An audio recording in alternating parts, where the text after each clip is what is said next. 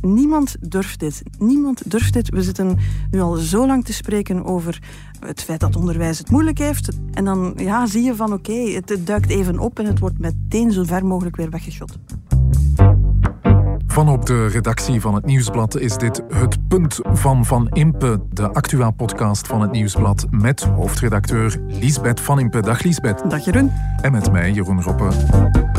Vandaag hebben we het over een ingekorte zomervakantie, over Sihamgate en over voetbal zowaar. Al direct een beetje uit je comfortzone, Elisabeth. Ja, voetbal dat ligt normaal gezien heel ver uit mijn comfortzone, maar deze week kwamen politiek en voetbal plots heel dicht bij elkaar te liggen.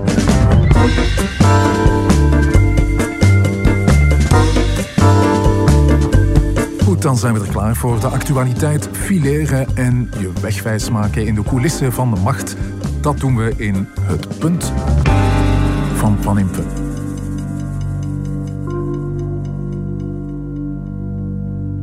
En dat doen we laat op de avond vanuit een zo goed als lege redactie in Antwerpen. Lisbeth, ik heb eh, niet lang moeten zoeken om je te vinden hier. Gelukkige verjaardag trouwens. Dankjewel, dankjewel. Hoe voel je je? Uh, verjaardagen zijn leuk, maar uh, zoals alles in tijden van corona net iets minder leuk als je geen feestje mag geven en je met niemand kan afspreken. Dus je hebt er geen speciale dag van uh, gemaakt? Het is geen het was dag, een... een speciale dag geworden? Nee, het was een vrij normale werkdag. Ik heb mezelf het cadeau gedaan om een paar dingen uit mijn agenda te schrappen en zoals dat zo mooi heet in managementtaal te delegeren. dat was mijn eigen cadeautje aan mezelf. Ik heb toch uh, maar iets uh, meegebracht, Lisbeth, om het toch uh, iets feestelijker te maken. Het is jouw lievelingsdrank, champagne, maar ik mag eigenlijk geen champagne zeggen, want het komt uit eigen land. Het is dus mousserende wijn. Ups. En hele goede mousserende natuurwijn uit Borgloon, op Bul.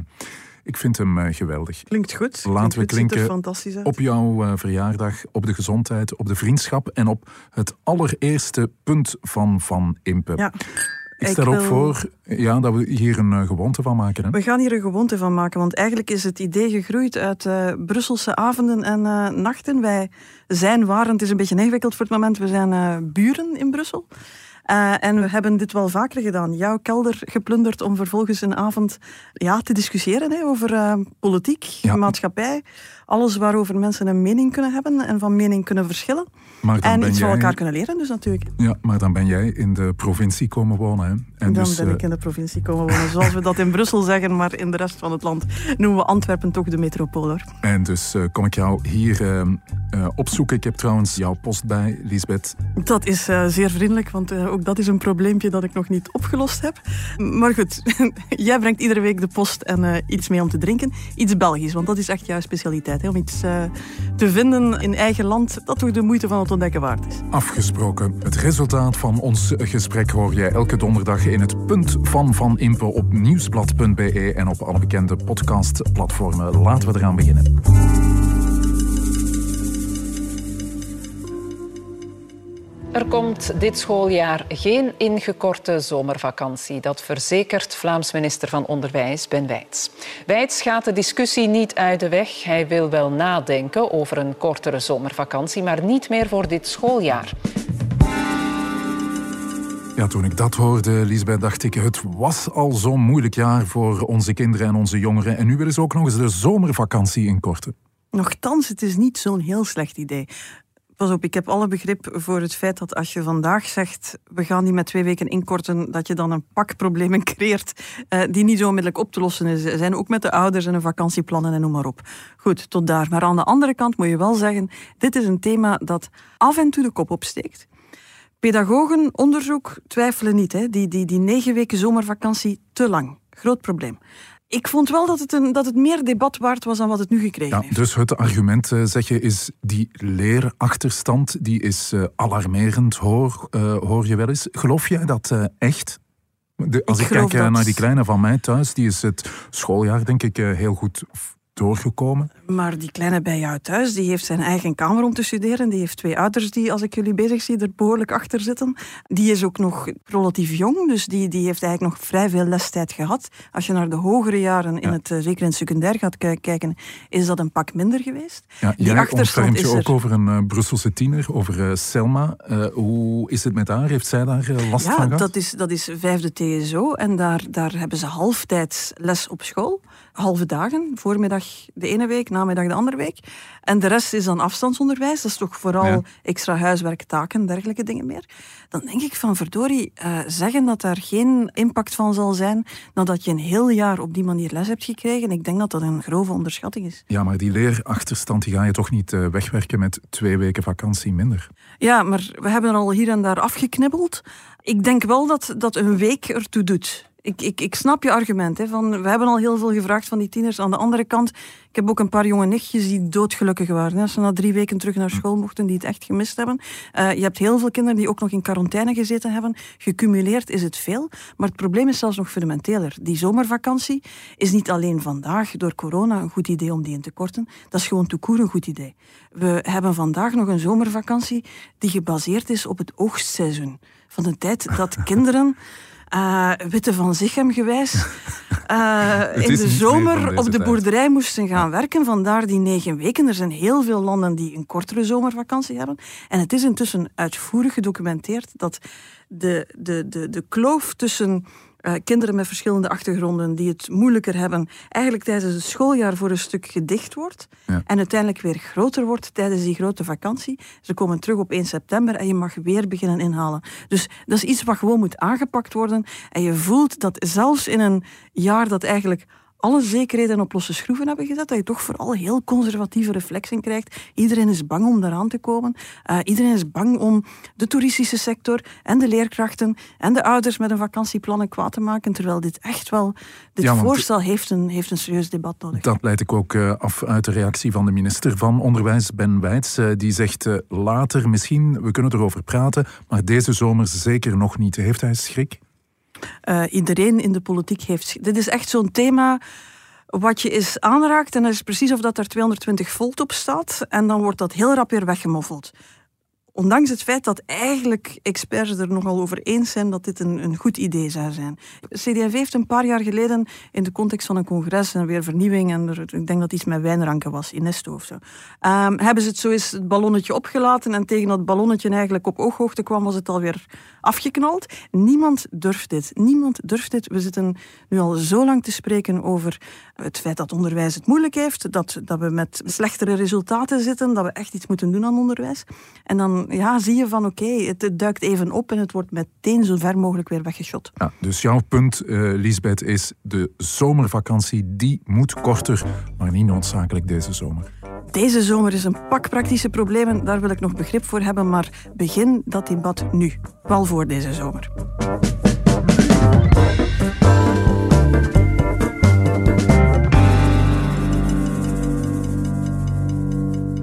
Is al het tweede rapport van Van der Lanotte rond de zaak El Kawakibi. Hij is duidelijk. Siam El Kawakibi wordt veroordeeld zonder eerlijk proces. We zeggen dat een eerlijk proces nu al niet meer nodig is. Er is een verdachte gecreëerd, terecht of onterecht. Die is onthoofd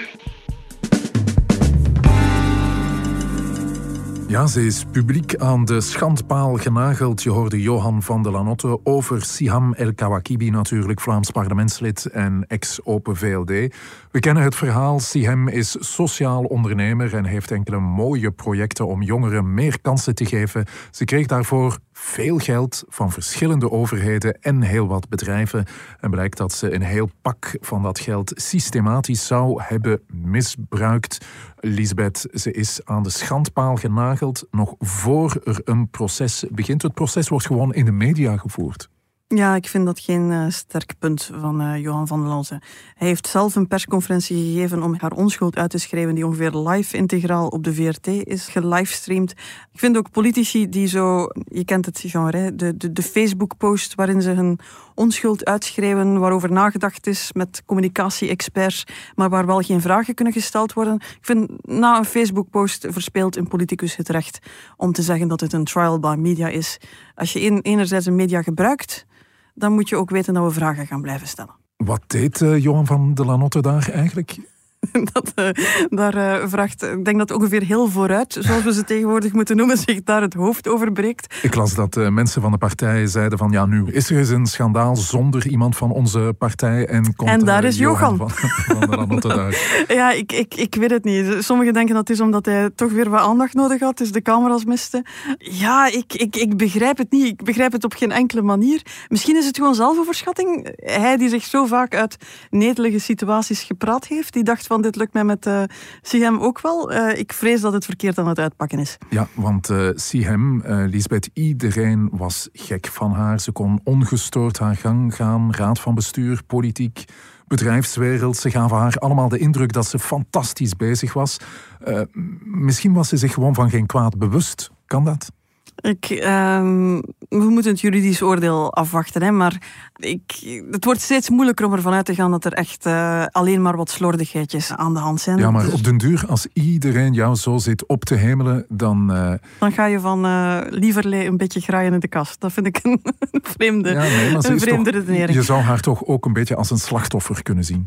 Slachtoffer vind ik er wat over. Wat je wel vaker ziet in de wedstrijd, ofwel de ene dag ben je held en de volgende dag lig je op de grond. En, en de held is tegelijk ook een bedreiging voor andere politici. Eerlijk gezegd, in het begin, als ik de gretigheid zag waarmee er uh, op de trein gesprongen werd tegen El Kawakibi, dacht ik van er zijn er hier precies een paar blij dat er een, uh, een concurrent uit de weg geruimd wordt bloedeloos natuurlijk en zoals dat in de politiek gaat. Intussen zie je natuurlijk wel, de zenuwachtigheid heeft ook heel veel te maken met het feit dat je ongeveer geen enkel niveau in dit land kan vinden. Ik denk alleen Europa heeft daar geen geld gegeven. um, je kan geen enkel niveau, politiek niveau in dit land vinden dat niet zeer genereus. Ja, in die um, zin is iedereen verantwoordelijk. En dus nu wordt de vraag gesteld, hè, van hebben toch een paar mensen hun werk niet goed gedaan en daar worden behoorlijk wat mensen behoorlijk zenuwachtig van. Dat uh, zag je deze week uh, en vorige week eigenlijk al heel goed uh, in Antwerpen, op het niveau van de stad. Ja. Dat ook zeer genereus geweest is. waar ze dan een eigen rapport besteld hebben. Dan heel hard geprobeerd hebben om te zeggen van ja, hier is, hier is zeker niet bewust iets fout gegaan neemt niet weg dat je de vraag kan blijven stellen. Als je zoveel geld aan één bepaald project geeft, moet je dan als schepen, als schepen van financiën, als bevoegd schepen, niet meer controle uitoefenen over wat er met dat geld gebeurt. Die vraag kan je niet zomaar wegschotten. En je ziet wel vaker in de politiek, als ze beginnen over collectieve verantwoordelijkheid, dan is het toch vaak om te proberen um, ervoor te zorgen dat iedereen naar anderen begint te kijken. Zo, ja. het is een beetje van, kijk daar, die heeft ook iets gedaan. Want dat zegt de NVA. De NVA zegt iedereen is uh, verantwoordelijk. De politiek in het algemeen, de bedrijfswereld in het algemeen en, Lisbeth, de media. Ik heb uh, in het nieuwsblad nooit één slecht woord uh, gelezen over El Kawakibi. Het klopt, hij was een reizende ster die in het parlement een paar dingen gedaan heeft waar iedereen dacht van dat is verfrissend. Nu, ik, ik, ik wil het voor een stuk wel nemen hoor, dat we misschien uh, wel wat meegegaan zijn allemaal samen in de hype, maar dat neemt niet weg dat een, een, een overheid die met belastinggeld bezig is, ook dat is een verschil met ondernemers trouwens, hè, die zijn hoogstens hun eigen geld kwijtgespeeld, um, maar een, een overheid die belastinggeld uitdeelt aan projecten, ja, die is verantwoordelijk om dat te controleren. Laatste keer dat ik checkte, was het toch niet de taak van de media om te gaan kijken of subsidies allemaal kosher besteed zijn. Ik denk dat dat toch een beetje veel verantwoordelijkheid in onze schoenen schuiven is. Ik heb haar wel eens ontmoet, Sihem El Kawakibi. Ik vond haar heel charmant. Iemand met veel charisma, een, een duidelijke en goed gebrachte mening ook. Uh, maar ze had wel iets glads over zich. Hè? Alsof ze altijd een act opvoerde. Of wat Bart Wever zei, een jukebox vol met, met buzzwords. was dat ook jouw gevoel dat ze een, een beetje fake was? ik heb haar zelf persoonlijk nooit ontmoet. Dus ik kan dat op zich niet zeggen. Het enige wat ik wel wil zeggen is net dat wat gladde, dat marketingachtige. Dat ik ben een sociaal ondernemer, geen straathoekwerker. Ik kom niet uit de traditionele sociale sector. Ik ben geen Linky Winky met, een, met geitenwolle sokken die af en toe een boom knuffelt. En op dinsdag een allochtoon. Uh, net heel dat discours.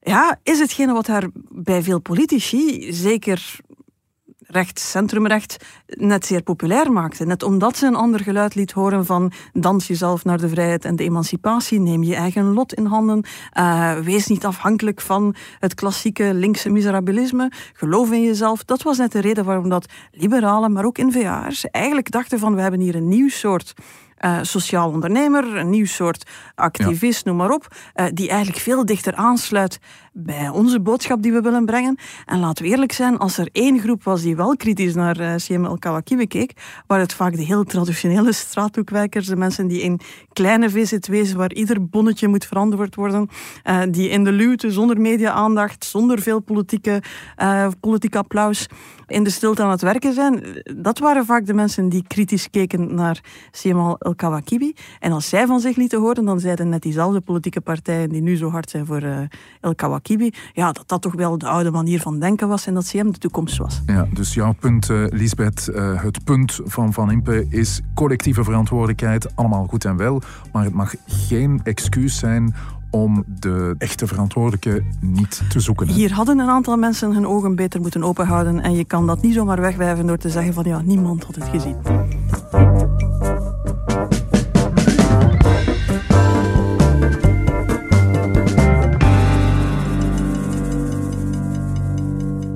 Tenemos el trabajo de decir a todas esas personas que lo que han dicho, que no es verdad, que ese lo que han dicho es que han dicho que es una liga para los ricos y no es verdad, es una liga para salvar el fútbol.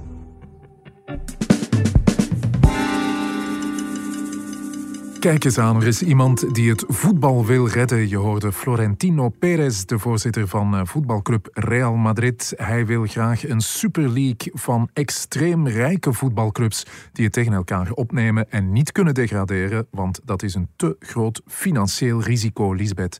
We gaan hier niet uh, elke week over voetbal praten, maak je geen zorgen. Maar, maar wat een arrogantie hè, van die Perez. Wat een arrogantie. En tegelijk heeft hij voor een soort van politieke primeur gezorgd. Ik denk dat het voor het eerst sinds de brexit-stemming in het uh, Verenigd Koninkrijk is dat Boris Johnson, de Britse premier, ja. en Emmanuel Macron, de Franse president, uh, doorgaans water en vuur, het is over iets eens waren. En ja, zij wilden ook graag de titel dat ze het voetbal gered hebben. En zij zijn de grote winnaars, hè, nu het, het spel niet doorgaat. Ze zijn absoluut de grote winnaars. In het geval van Boris Johnson, die eigenlijk zelfs met de grootste pluimen gaat lopen, is dat zelfs vrij verrassend. Want uh, de man is een uh, Eton boy uh, uit de, de, de upper class in Engeland, die eigenlijk nog nooit verdacht is van veel empathie of voeling met het voetbal, maar die nu de held is van iedere spionkop in Engeland.